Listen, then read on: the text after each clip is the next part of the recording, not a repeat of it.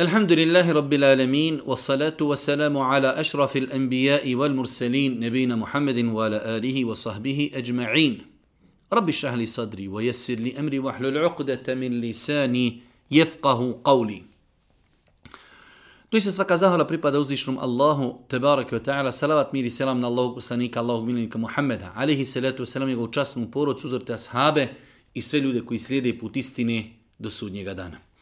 Uvažena braćo i poštovani sestre, uvaženi gledatelji, evo nas u još jednoj emisiju u kojoj se družimo sa vašim pitanjima i vašim dilemama. Ovo je naša 108. emisija, ako smo dobro brojali. Esselamu alaikum. Da li je ženi dozvoljeno da ima nadograđene nokte? Želim da mi pojasnite da li ona smije izaći iz kuće sa tim noktima ako nije pokrivena. I još nešto, da li je takozvani halal lak dozvoljen? Nadogradnja nokata, mi smo spomenuli, nadogradnja nokata iziskuje da se drugi nokti zalijepi po noktima koje već žena ima.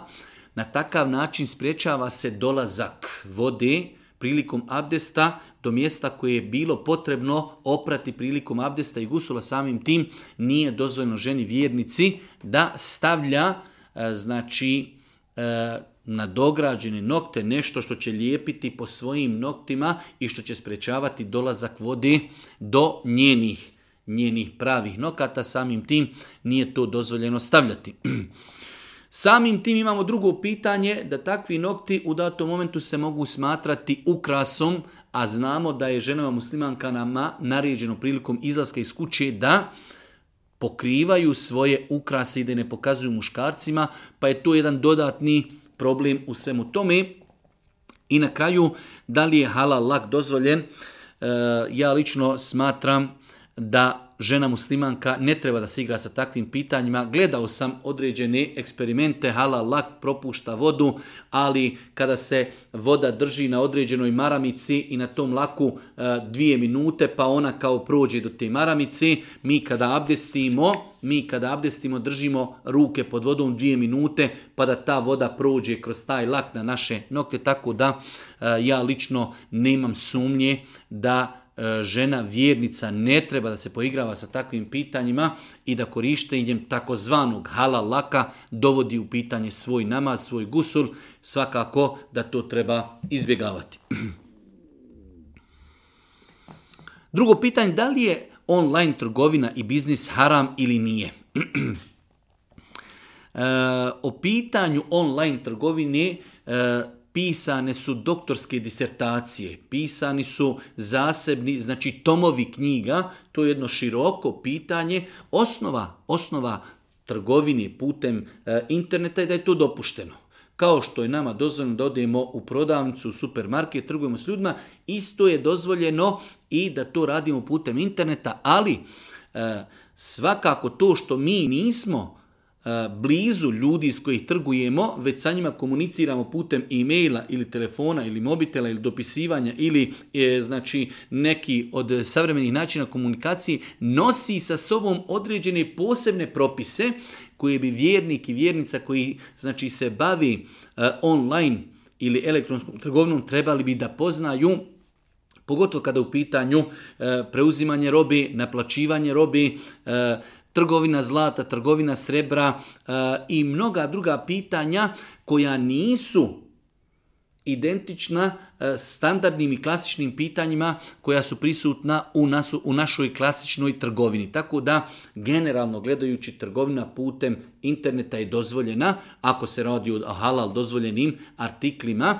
ali isto tako postoje određena posebna pravila E, koja definišu e, elektronsku trgovinu iz razloga što čovjek s kojim trgujemo nije tu prisutan, ne vidimo ga, možda ga čujemo ili se sa njim dopisujemo.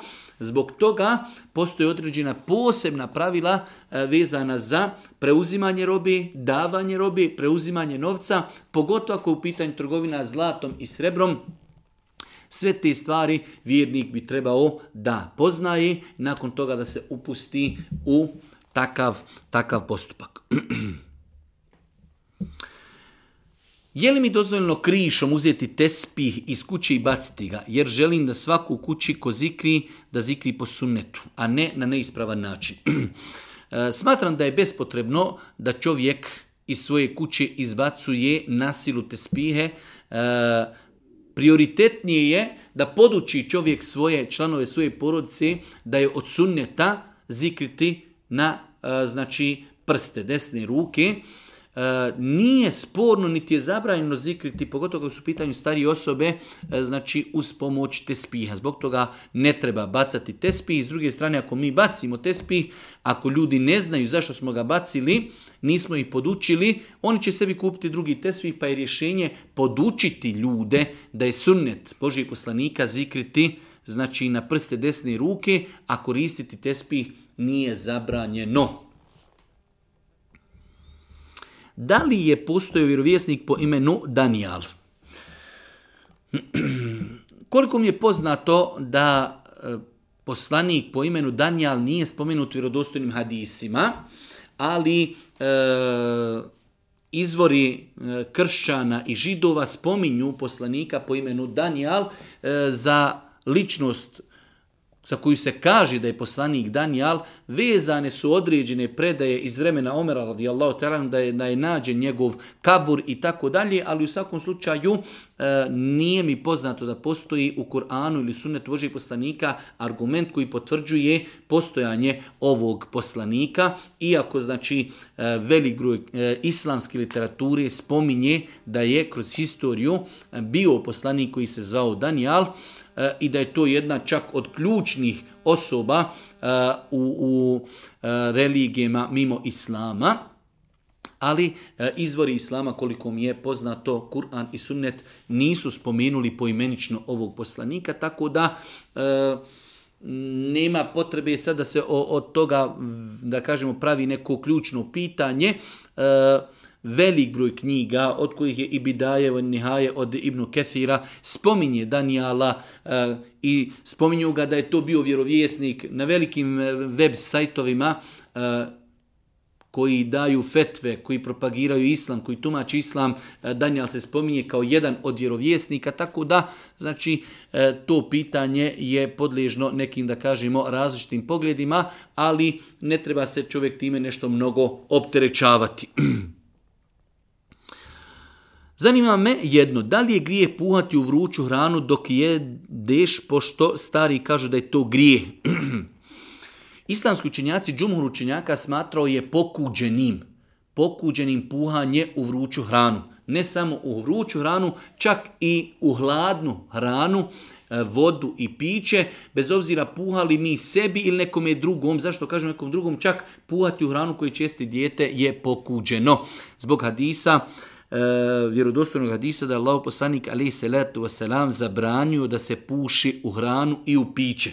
Znači imamo vjerodostojne hadise da je Allah poslanik alaih salatu wasalam zabranio da se puši u hranu i u piće. Nije rekao da se puši u vruću hranu, već je zabranio puhanje u hranu i u piće, što obuhvata i hladnu i toplu hranu i piće i obuhvata da pušimo sebi ili nekome ili nekom drugom, znači pokuđeno je na osnovu ove zabrani, pokuđeno je po mišljenju džumhura islamskih učenjaka puhati u hranu. Šesto pitanje, Vlada kantona nudi neki program malim preduzećima u vidu sufinansiranja kamate kod nekih banaka. Naime, oni kao kanton sufinansiraju kompletnu kamatu, a ti kao obrtnik vraćaš samo onoliko para koliko si uzeo. Je to dozvoljeno? Bez obzira što je neko drugi preuzeo na sebe vraćanje kamate, mi ako smo uzeli kamatni kredit od banke gdje smo uzeli 10.000, a treba da vratimo 12, mi ćemo vratiti 10. Ali će neko za nas vratiti 12, samim tim to što smo mi uzeli taj kamatni kredit, mi smo e, ušli u E, sporni moment uzimanje kamatnog kredita, tako da Allah najbolje zna nije dozvoljeno uzimati ovakve kamatne kredite bez obzira što će kamatu za nas vratiti neko drugi.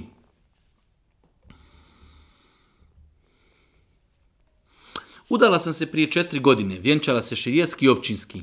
Za dva mjeseca sam se, rastala i sudski sve riješila. Međutim, desilo se to da ponovo želim stupiti u brak s tim čovjekom da li je taj brak halal ili ne. Znači osoba koja se udala za određenu osobu i nakon toga se razvela, ali ovdje je veoma bitno da je se razvela šerijatski. Općinski razvod nije dovoljan e, da zamijeni šerijatski razvod. Znači čovjek kada se ženi treba da se vjenča šerijatski, da se vjenča općinski. Kada se razvodi, treba da se razvede šerijatski i treba da se razvede općinski. Ako je doista ovdje došlo do razvoda braka, znači i ako to nije bio treći razvod, jer nakon trećeg razvoda žena da bi se vratila svome čovjeku mora da se uda za nekog drugog pa da sa njim ima intimni kontakt, nakon toga ako je taj prvi, njen drugi muž razvede, može se vratiti prvom čovjeku. Ako to nije bio treći razvod, znači ako su se bili razveli i nije to bio treći razvod, mogu ponovo da stupe u brak, ali procedura sta, stupanja ponovo u brak, ako je ženi istekao idet, je kao da se prvi put uzimaju, mora biti saglasnost staratelja, moraju biti svjedoci, mora biti mehar, sve kao da se uzimaju po prvi puta.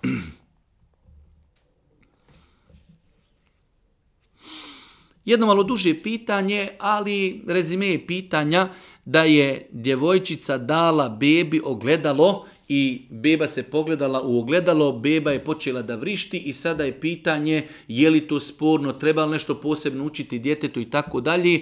Nema nikakav dokaz na osnovu kojeg bi mogli kazati da je djeci zabranjeno da se gledaju u ogledalo. Znači ne postoji validan šerijatski dokaz na osnovu kojeg možemo kazati da je pokuđeno ili zabranjeno da se dijete gleda u ogledalo. Samim tim može se desiti da je dijete znači e, se iznenadilo ili iz nekog drugog razloga vrisno, krisno, tako da nema potrebe ništa posebno da se poduzima, nastavljamo živjeti normalno, učimo dijetu, zikrove, e, kojim učimo svakodnevno, čuvamo ga, štitimo ga, to je ono što možemo urati, ali njegov pogled u ogledalo nije zabranjen, niti zbog toga treba raditi nešto posebno.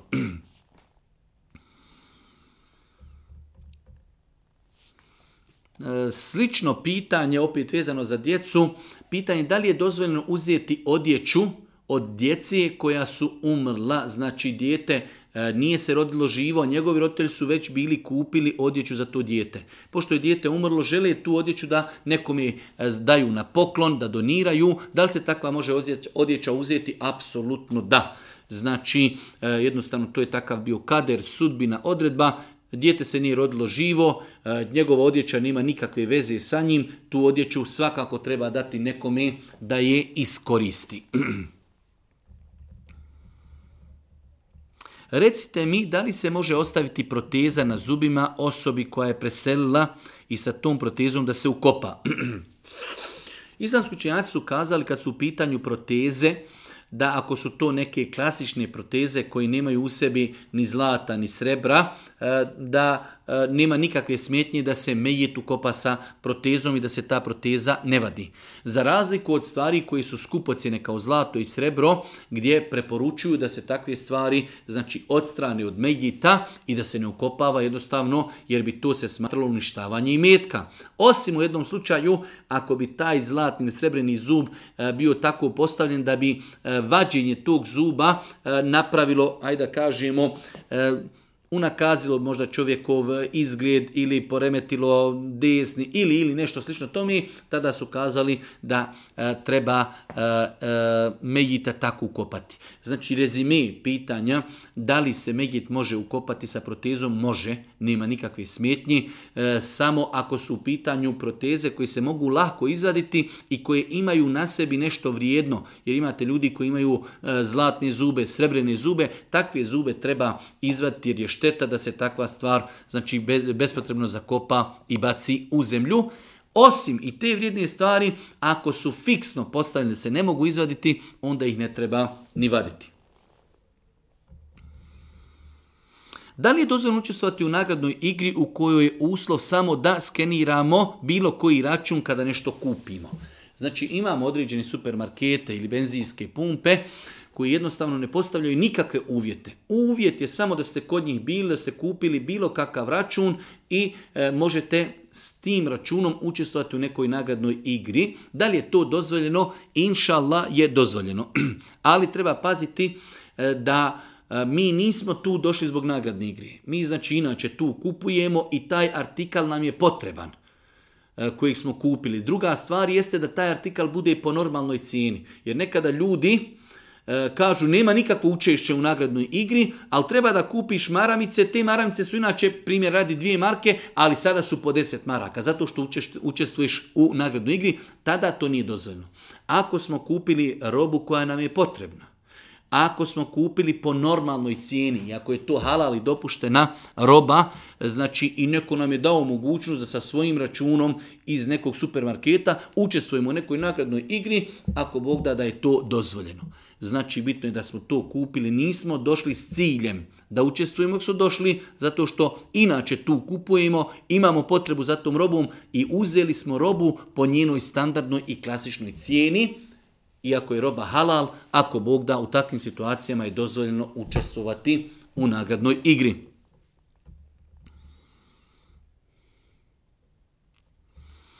Naime, trudna sam već par mjeseci i od skoro imam neki manji problem u trudnoći gdje je došlo do isticanja smeđe tečnosti i tako dalje.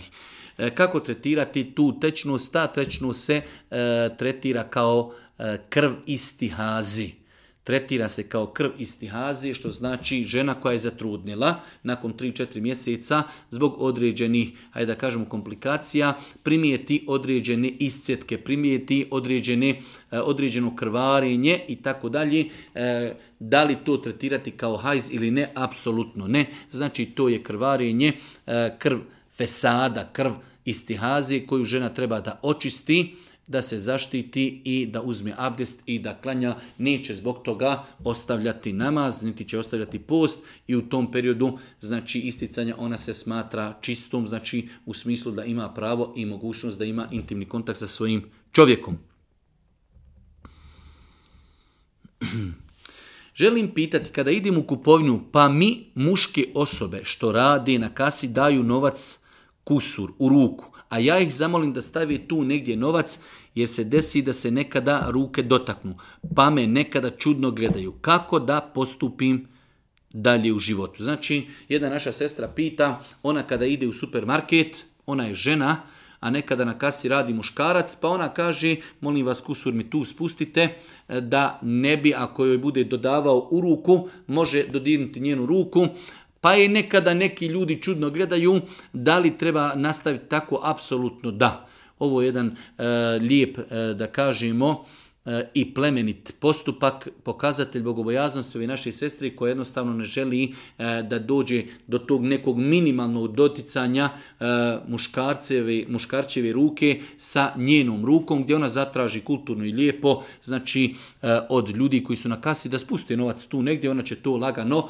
uzeti to što će neko čudno pogledati, neko će čudno pogledati ženu pod nikabom, neko će čudno pogledati ženu pod hijabom, neko će pogledati muškarca čudno sa bradom i tako dalje. To što će nas neko čudno pogledati ne treba biti razlogom da odustanemo od svojih principa u kojima mi nismo ugrozili njihova prava, s druge strane mi čuvamo svoju vjeru i na taj način izražavamo svoju pokornost gospodaru. Tako da e, to što će neko čudno pogledati ne treba biti razlogom da insan odustane od takve praksi.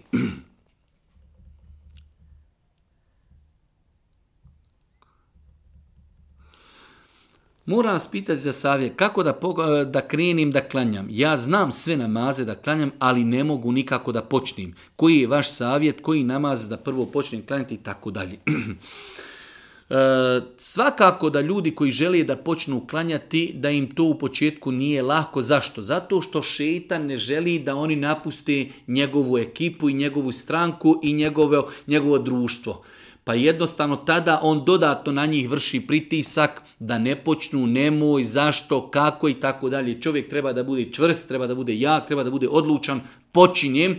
Znači, e, ako, iako znači čovjek u vjerniku je naređeno pet namaza dnevno klanja, ali ako već ne može stići sve namaze, čovjek će biti griješan u osnovi za svaki namaz koji ostavi, ali onda da počne sa tim nekim namazima koji su, hajde da kažemo, u nekom periodu kada je čovjek lakše kod kuće, namazi koji su kraći sabah, akšam, jacija, svakako obaveza klanjanja pet vakat namaza ostaje. Čovjek treba da se potrudi da svaki namaz klanja u namaskom vremenu. Svakako treba odlučnosti, treba dove, treba ustrajnosti, treba lijepog društva da čovjek uz lijepo društvo redovno klanja, a to e, što čovjek u početku osjeti e, poteškoću, to je apsolutno samo dodatni napor šeitana koji ne želi da se taj čovjek vrati Allahu subhanahu wa ta'ala. Moja drugarica ima problem u pogledu udaje. Da li je njoj kao muslimanki farz da se uda? Njeni roditelji su joj govorili da je to farz i da mora. U svakom slučaju kada je u pitanju pitanje stupanja u brak, da li je obaveza ili ne, islamski učinjaci su kazali da e, to pitanje može biti e, shodno od osobe do osobe. Pa imamo osobe koje nemaju, ajde da kažemo, seksualne nagone, porive, jednostavno, e, da kažemo, mogu živjeti bez braka, takvim i osobama i nije obaveza. Iako od sunneta je, znači kroz historiju poslanici su dolazili i ljudima su, pogotovo omladini, uvijek preporučavali e, e, brak, pozivali na brak, na čednost, na moralnost, kroz brak se dobiva e, znači porodica, dobivaju se nasljednici, dobivaju se djeca i te mnoge druge koristi kako e, znači za insana, tako za društvo i tako dalje. Ali da li je obaveza insanu stupiti u brak? Nije obaveza ako nema, ako se ne boji za sebe da će ne Bože pasti u nemoral. Kazali su islamski učenjaci, osoba koja ima mogućnost da stupi u brak, a boji se, ima porive, jednostavno e, prohtjevi su veliki, a ima mogućnost. Takvoj osobi je obaveza da stupi u brak. Znači čovjek se boji da će učiniti blud, ima mogućnost materijalno da se ženi zdravlje i ne želi da se ženi. Takvoj osobi je vađiv da se ženi kako bi sačuvala svoju čednost i moralnost. Tako da znači E, ne možemo e, na pitanje da li je obaveza stupiti u brak svakoj osobi dati isti odgovor, shodno insanu i njegovim uvjetima, prohtjevima, na osnovu toga se daje odgovor. Jedno malo duže pitanje, 16. pitanje, jedna naša sestra koja je čestita, moralna, poštena, udata, e, pita kako se ponaša prema njenoj majci koja kako ona kaže, je bludnica i nemoralna. E, žena koja kaže da se stidi u društvu zbog njenih postupaka i tako dalje, e, pitanje kako se opoti prema takvoj ženi. E, prva stvar, nemoral, blud, zinalu koji slamo je jedan od najvećih grijeha. Dijete, ako je sigurno uvjereno da majka ili otac čini blud, obaveza joj je da poduzme sve što može da spriječi činjenje tog bluda, u smislu savjeta, kritike, pa čak kažu islamski učenjaci i da u datom momentu e, zaprijeti da će to nekom i razglasiti, kazati i tako dalje. Znači da poduzme e, savjet, kritiku, da je spriječi da to radi. Ako osoba i dalje nastavi to raditi, opet ostaje djetetu obaveza dobročinstva. Znači nisam našao niko od islamskog učenjaka da je u takvim situacijama spomenuo da dijete ovdje je pitanje da li sam griješna ako se odreknem svoje majke, dijete nema pravo, mogućnost da se odreknem svoje majke. E, Što znači odreći se? Ona je, ona je tvoja majka, ona te rodila, tamam da je najgora na planeti. Allah Žešanu kaže u Kur'anu, pa ako te nevjernici, roditelji pozovu da kufr činiš, nemoj im se odazvati ali nastavi se prema njima lijepo poditi. Kufr nevjerstvo je veći od bluda. Apsolutno. Opet Allah nakon toga kaže i prema njima se lijepo obodite. Tako da čovjeku ostaje obaveza činjenja dobročinstva toj majci. Kroz to dobročinstvo možda će doći prilika da i ta majka shvati da to što radi da je greška, možda će prihvatiti savjet za razkog se insan, ne daj Bože, odrekni, ne kontaktira, kako će se ta osoba pokajati ako mi nismo sa njom u kontaktu, ako je ne savjetujemo, ako je ne kritikujemo i tako dalje. Tako da, znači, e, pokušati dati sve od sebe da se, e, znači, ta osoba e, ostavi to grijeha, ali isto tako obaveza dobročinstva prema roditelju ostaje. Dobila sam na, odnosno, da li je grijeh držati kip slobode u kući na polici? Dobila sam na poklon, a pošto znam da su kipovi zabranjeni, ne znam u šta spada ova, ovaj kip. Aj, tako ćemo pročitati. Generalno, znači imamo vjerodostojne hadise u kojima Allah poslanik ali se zabranio E, držanje kipova u kući, bez obzira da li to bio kip slobode ili neki drugi kip, tako da, bez obzira kakve veličine i kakvi dimenzija bio, čovjek vjernik treba da takve stvari e, ne unosi u svoju kuću, ako je već unio u svoju kuću, onda to treba da izbaci iz kući. Jedno malo teže pitanje, a radi se o tome da čovjek kaže znam da je propis puštanja bradi obaveza da se brada ne smije brijati, ali kako postupiti u situaciji kada čovjek je profesionalni vojnik. Da li je čovjek griješan ako brije bradu jer mora zbog službi? Vojska ne dozvoljava bradu dužu od pola centimetra. Ovo je jedno od pitanja koje bi trebalo postaviti institucijama, eh, nadležnim organima eh, Fetva El Eminu. Eh, jer je ovo doista jedno novo nastalo pitanje. S jedne strane imamo potrebu da ljudi budu sastavni dio vojske jedne države, ali isto tako imate određene zakone u svemu tome koji se protive određenim principima islama. Jedan od tih e, zakona i pravilnika jeste e, obaveznost skraćivanja bradi. U svakom slučaju, ako već čovjek se odluči da bude u vojsci, ako vojska dozvoljava pa makar ta brada bila i cant ili pola canta, bolje je da skrati bradu nego da je brije. Bolje je da skrati bradu nego da je brije, ali opet kažem, e, ovakva pitanja doista su e, teška i treba da se postavi e, nadležnim institucijama za izdavanje fetava. Ono što su opći propisi islama jeste da je zabranjeno brijati bradu. Allah poslanik izrekao mnoge hadisu kojima je naredio puštanje bradi, zabranio brijanje bradi. Ibnul, e, Ibn Hazm navodi konsenzus islamskog činjaka da je zabranjeno brijati bradu. Ako znači već insan odluči biti u takvim na takvom poslu onda e, iskoristiti privilegiju koja mu je dozvoljena, a to je da brada već bude ne znam koliko pola canta ili cant, ali da već ne brije bradu.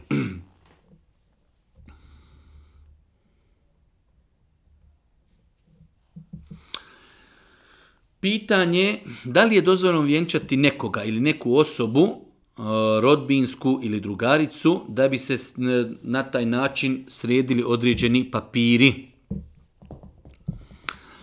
E, to je jedno od e, savremenih pitanja gdje ljudi, da kažemo, lažno stupe sa nekom određenom osobom u brak, samo kako bi na osnovu privilegije da je u braku sa e, državljaninom te i te državlje mogli da dobiju boravnu vizu i tako dalje, da li je to islamu dozvoljeno?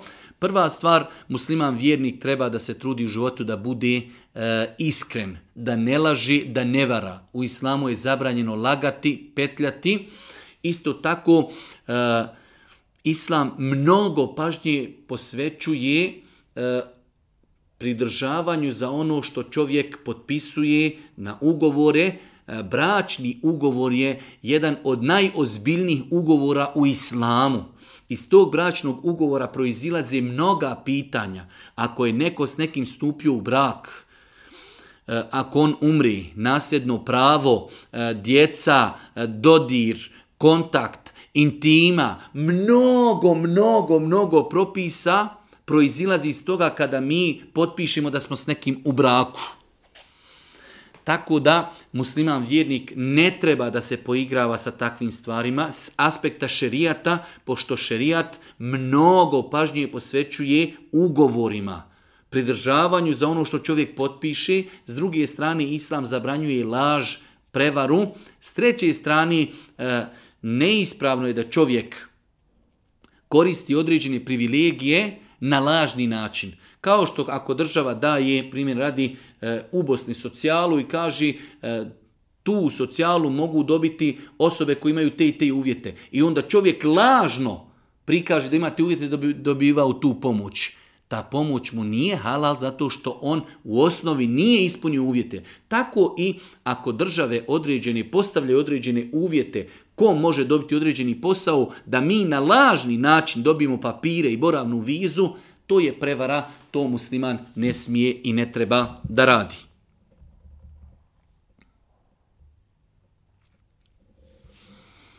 Moje pitanje glasi, da li će insan biti griješan ako ne želi djecu? U svakom slučaju jedno duže pitanje e, gdje je razlog zašto čovjek ne želi djecu zato što se boji kako će djecu odgajati. Zato što su veliki e, izazovi, smutnja, nered, grijesi, pa čovjek se boji za djecu i zato ne želi da ima djecu. Da li je to ispravno ili ne? Nije ispravno. E, prva stvar, čovjek vjernik treba da zna, treba da ima lijepo mišljenje o Allahu. Šta znači imati lijepo mišljenje o Allahu? Ako mi Allah podari djecu, Allah je taj koji će ih uputiti i on će ih zaštititi i on će ih sačuvati kao što je mene uputio i mene sačuvao bez obzira što su vremena teška i nemorali fesad, možda znači će to moje dijete biti bolji od mene. Pa treba imati lijepo mišljenje o Allahu, doviti, osloniti se na uzvišenog Allaha subhanahu wa ta'ala. S druge strane, zašto tako pesimistično gledati na situaciju? Možda će to naše dijete postati najveći alim na planeti. Možda će to biti insan koji će uraditi na promovisanju Islama, čim sebebom će se hiljede i milioni ljudi vratiti vjeri. Zašto stvari, bez obzira što je teška stanje, jeste, ja lično znam da je jedan od najvećih izazova savremenog doba odgoj djeci, ali bez obzira, uputa je od Allaha.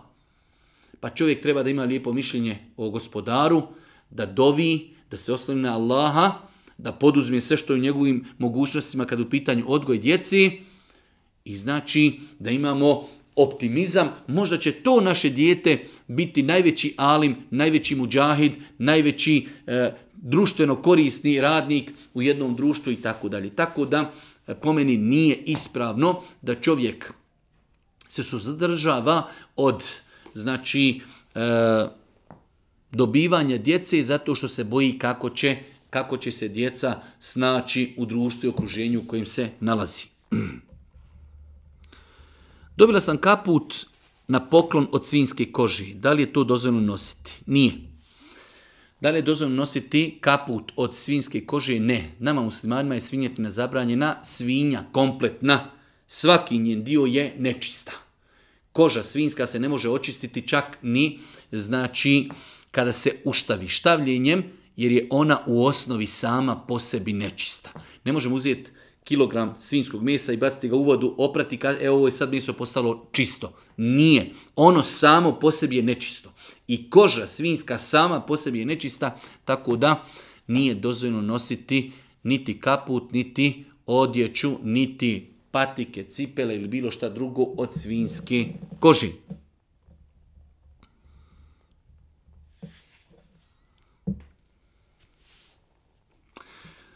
Jedno duže pitanje, rezime pitanja je da li čovjek može na ime zekijata oprostiti dužniku dug kojeg on ne može vratiti. Znači čovjek je nekom je dao dug, taj dužnik ne može da vrati pare, da li je nama dozvoljeno da mu mi kažemo dobro nemoj vraćat, ja sam trebao da dadnem 300 maraka zekijata, e ja to tebi odbijam od tvoga duga. E, apsolutno velika većina islamskoj činjaka smatrala da to nije dozvoljeno. Jer E, imetak koji se daje čovjeku na ime zekijata treba da se da njemu u vlasništvu. Mi ako imamo zekijat, mi treba da izdvojimo njemu da damo, on ako hoće da nama kaže e sad ću ja tebi vratiti onaj dug koji sam ti dužan, to će uraditi, ali mu to nije obaveza. Tako da islamski učenjaci su kazali nije ispravno otpisati dužniku dug na ime zekijata. Da li sa jednim to možemo obaviti umru za dvije osobe ili mora pojedinačno za svaku osobu? E, nikada nisam čuo da je neko od islamskog učenjaka dozvolio da se obavi jedna umra za više osoba, jer znači imamo stav učenjaka da je jednom u životu obaviti umru obaveza. Tako da mi ako želimo da obavimo umru e, zato što je naš otac trebao ili majka da obavi umru pa nije obavio, ne možemo mi jednom umrom obaviti i za majku i za oca. Obavit ćemo jednu umru za majku, a nakon toga kad budemo drugi put dolazili obavit ćemo za oca ili obrnuto. U svakom slučaju jedna umra se obavlja za jednu osobu. Jedno malo intimno pitanje, ali u svakom slučaju vezuje se za pitanje da li je sperma čista ili ne. Znači, eh, u pitanju su osobe koje prilikom intimnog kontakta ejakuliraju izvan, znači rodnici, E, e sada, ako prilikom e, ejakulacije sperma, sperma padne na ženino tijelo ili na odjeću, da li je na taj način tijelo nečisto i da li je odjeća nečista? Nije. Znači, tačno je da je sperma čista. Postoji jako razilaženje u e, islamskom pravu među učenjacima da li je sperma čista ili ne, ali je sperma na osnovi vjerodostojnih hadisa i na osnovu razumnog dokaza, na osnovu vjerodostojnih hadisa, ali s druge strane i na osnovu razumnog dokaza mm, teško je pojmiti razumu da je Allah stvorio čovjeka od nečiste tvari. Allah je stvorio čovjeka od spermi, pa kako da mi kažemo sperma je nečista, a Allah je stvorio čovjeka od spermi. Tako da vjerodostojni hadisi potvrđuju da e, je sperma čista, a i sam razum potvrđuje da je sperma čista, tako da prilikom znači intimnog odnosa, ako čovjek ejakulira, znači izvan e, suprugine e, rodnice, tako i piše, iako sperma padne na ženo tijelo ili na odjeću, na taj način se nije onečistilo tijelo niti odjeća. Svakako e, s aspekta higijenskog da se to ukloni potrebno i sve, ali mi govorimo samo s aspekta širijetskog, da li je to nečisto ili ne, nije nečisto. Pročitao sam iz nekoliko izvora kako je veliki grijeh imati prijatelja suprotnog spola, kao e, i bilo kakav fizički kontakt. Dok sam pak u nekoliko izvora isto tako pročitao kako je to dozvoljeno koliko su namjere čiste. Da li je dozvoljeno imati prijatelja suprotnog spola i da li možemo imati neki fizički kontakt ako su nam čiste namjere? Ako pogledamo u principe islama primijetit ćemo sljedeći. Prva stvar jeste islam je zabranio muškarcima da gledaju žene, a ženama zabranio da gledaju muškarce. Kako ćemo imati prijatelja ili prijateljicu, a mi ne možemo gledati u nju. S druge strane, Islam je zabranio rukovanje između muškarca i ženi. Islam je zabranio osamljivanje između muškarca i ženi. Islam je naredio pokrivanje avrita, da muškarac pokrije svoje avrite prilikom izlaska iz kuće i ženi da pokrije svoje. Eh, zabranjuje Islam sve što vodi bludu.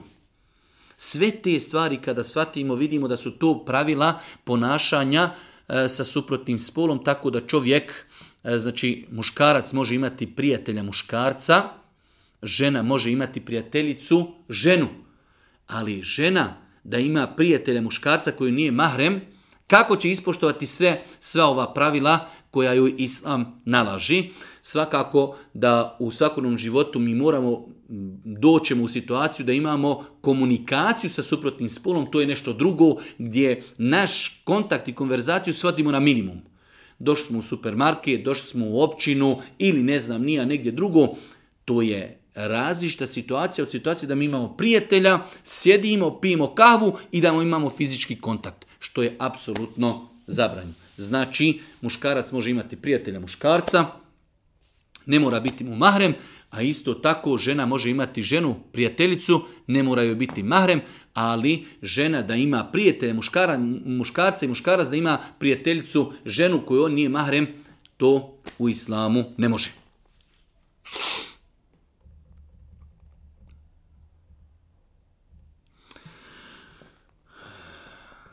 Moje pitanje se odnosi na termin klanjanja namaza, odnosno na vrijeme izlaska zenita i zalaska sunca. Pročitao sam da je u tim terminima pokuđeno klanjati namaz.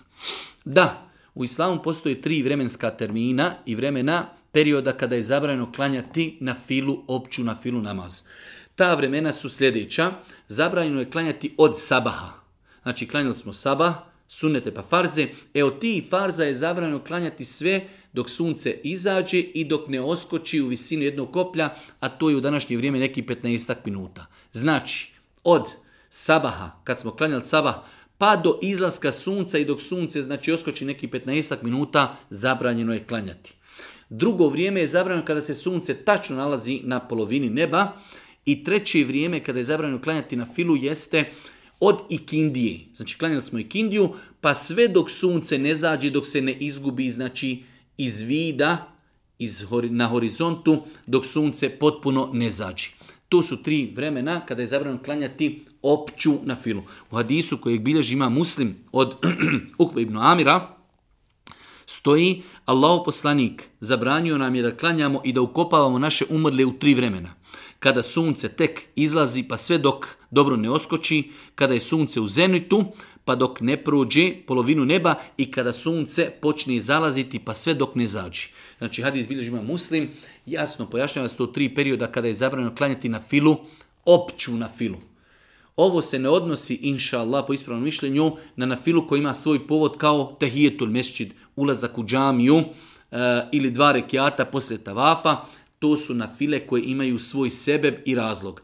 Ali opća fila, znači klanjali smo sabah namaz, pa eto mi bi sad još malo klanjali na filu, ne. Ne može se klanjati na fila dok sunce ne izađe i 15 minuta dok oskoči ili dok se sunce nalazi na polovini neba ili dok klanjamo ikindiju. Nakon ikindije se ne klanja dobrovoljni namaz dok sunce ne zađe, dok sunce ne zađe.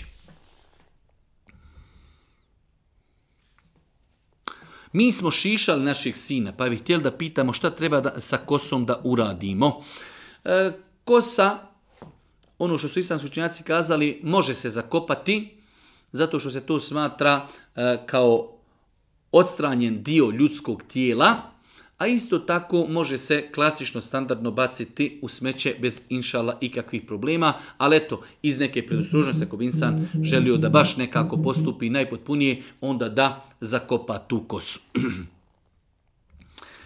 Jedno malo duže pitanje, imam 45 godina, majka sam četvero djeci i udata sam. Eh, vratila sam se vjeri, razmišljam o hijabu, ali pitanje je eh, ima li svrhe pokriti se u 45. godini nakon što sam 45 godina provela bez hijaba. Ima li svrhe? Apsolutno da. Znači, kada bi žena živjela 99 godina, i dan prije svoje smrti se pokajala Allahu i stavila mahramu, ima svrhi, a kamoli da imamo ženu u 45. godini, ima svoju porodicu, treba da svojoj dječici bude uzor, da nosi mahramu, e, ima li, ikakve koristi od njene teube, od njenog pokajanja, od njenog hijjaba, apsolutno da. Znači, to je samo jedan od šetan, šetanovih načina i metoda kako e, zastrašuje ljude, kako i e, prolongira im pokajanju i teube, okasnio si, ostario si, nema koristi, apsolutno nije tačno, znači ima koristi u 45. godini da se žena pokaje što je do tada bila otkrivena i da čestito moralno stavi svoju mahramu, da svoje dječici bude uzor i tako dalje, do kraja života ako Bog da da ostane pod mahramom, tako da apsolutno ima koristi.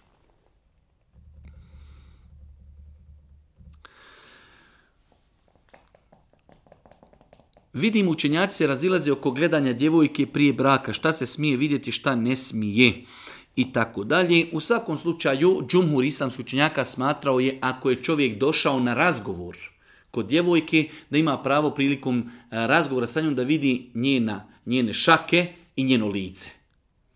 Zašto smo kazali razgovor? Osim u slučaju kada bi čovjek doista, kao što su ashabi nekada znali da se negdje prikriju, pa da vidi određenu ženu, pošto su u to vrijeme žene nosile nikabe, teško ih je bilo vidjeti, bilo je mnogo stida, pa bi se negdje sakrili da ih samo malo vidi u takvoj situaciji ako bi čovjek znači i vidio nešto više od toga, znači nadamo se da nije griješan. Ali ako je čovjek došao na razgovor, došao je da upozna djevojku pred njenim ocem i e, ono što smije vidjeti jeste njeno lice i njene šake. E, smatrati da čovjek može tada vidjeti kosu ili nešto više je doista nešto e, što otvara vrata šeitam. Šta mislite, čovjek je došao, djevojka već nosi 10 godina mahramu, skine ona mahram, on joj vidi kosu i on sutra kaže, pa znate šta ja bi odustao, e, nisam ja za ženitbu. Znači, vidio njenu kosu, kako će se sutra ona stidjeti kada ga vidi na ulici i tako dalje. Tako da ono što je dozvoljeno, da prosac vidi kod djevojke prilikom prošnji, ako je došao na direktan razgovor sa djevojkom, može vidjeti samo njeno lice i može vidjeti njene šake, njene ruke. Imam pitanje vezano za svoju teško oboljelu majku. Da li za nju mogu da udjelim sadaku i namijenim za njeno ozdravljenje? Bolje je u takvim situacijama da sama osoba za, tebe, za sebe da sadaku. Znači bolje je da sam insan da sadaku i da time nije ti i namjerava da ga Allah izliječi od bolesti. Ali, ako bi i neko drugi, kao u ovom slučaju sin, dao za svoju majku sadaku 50-100 maraka s namjerom da Allah Đelšanu zbog te sadake izliječi njegovu majku, inšala bizna, nadamo se da je to ispravno, ali je, kao što kažu islamski učenjaci, mnogo bolji i prioritetniji da sam insan bude taj koji će dati tu sadaku i da očekuje od uzvišnog Allah subhanahu kao vid nagrade zbog toga da, da ga izliječi.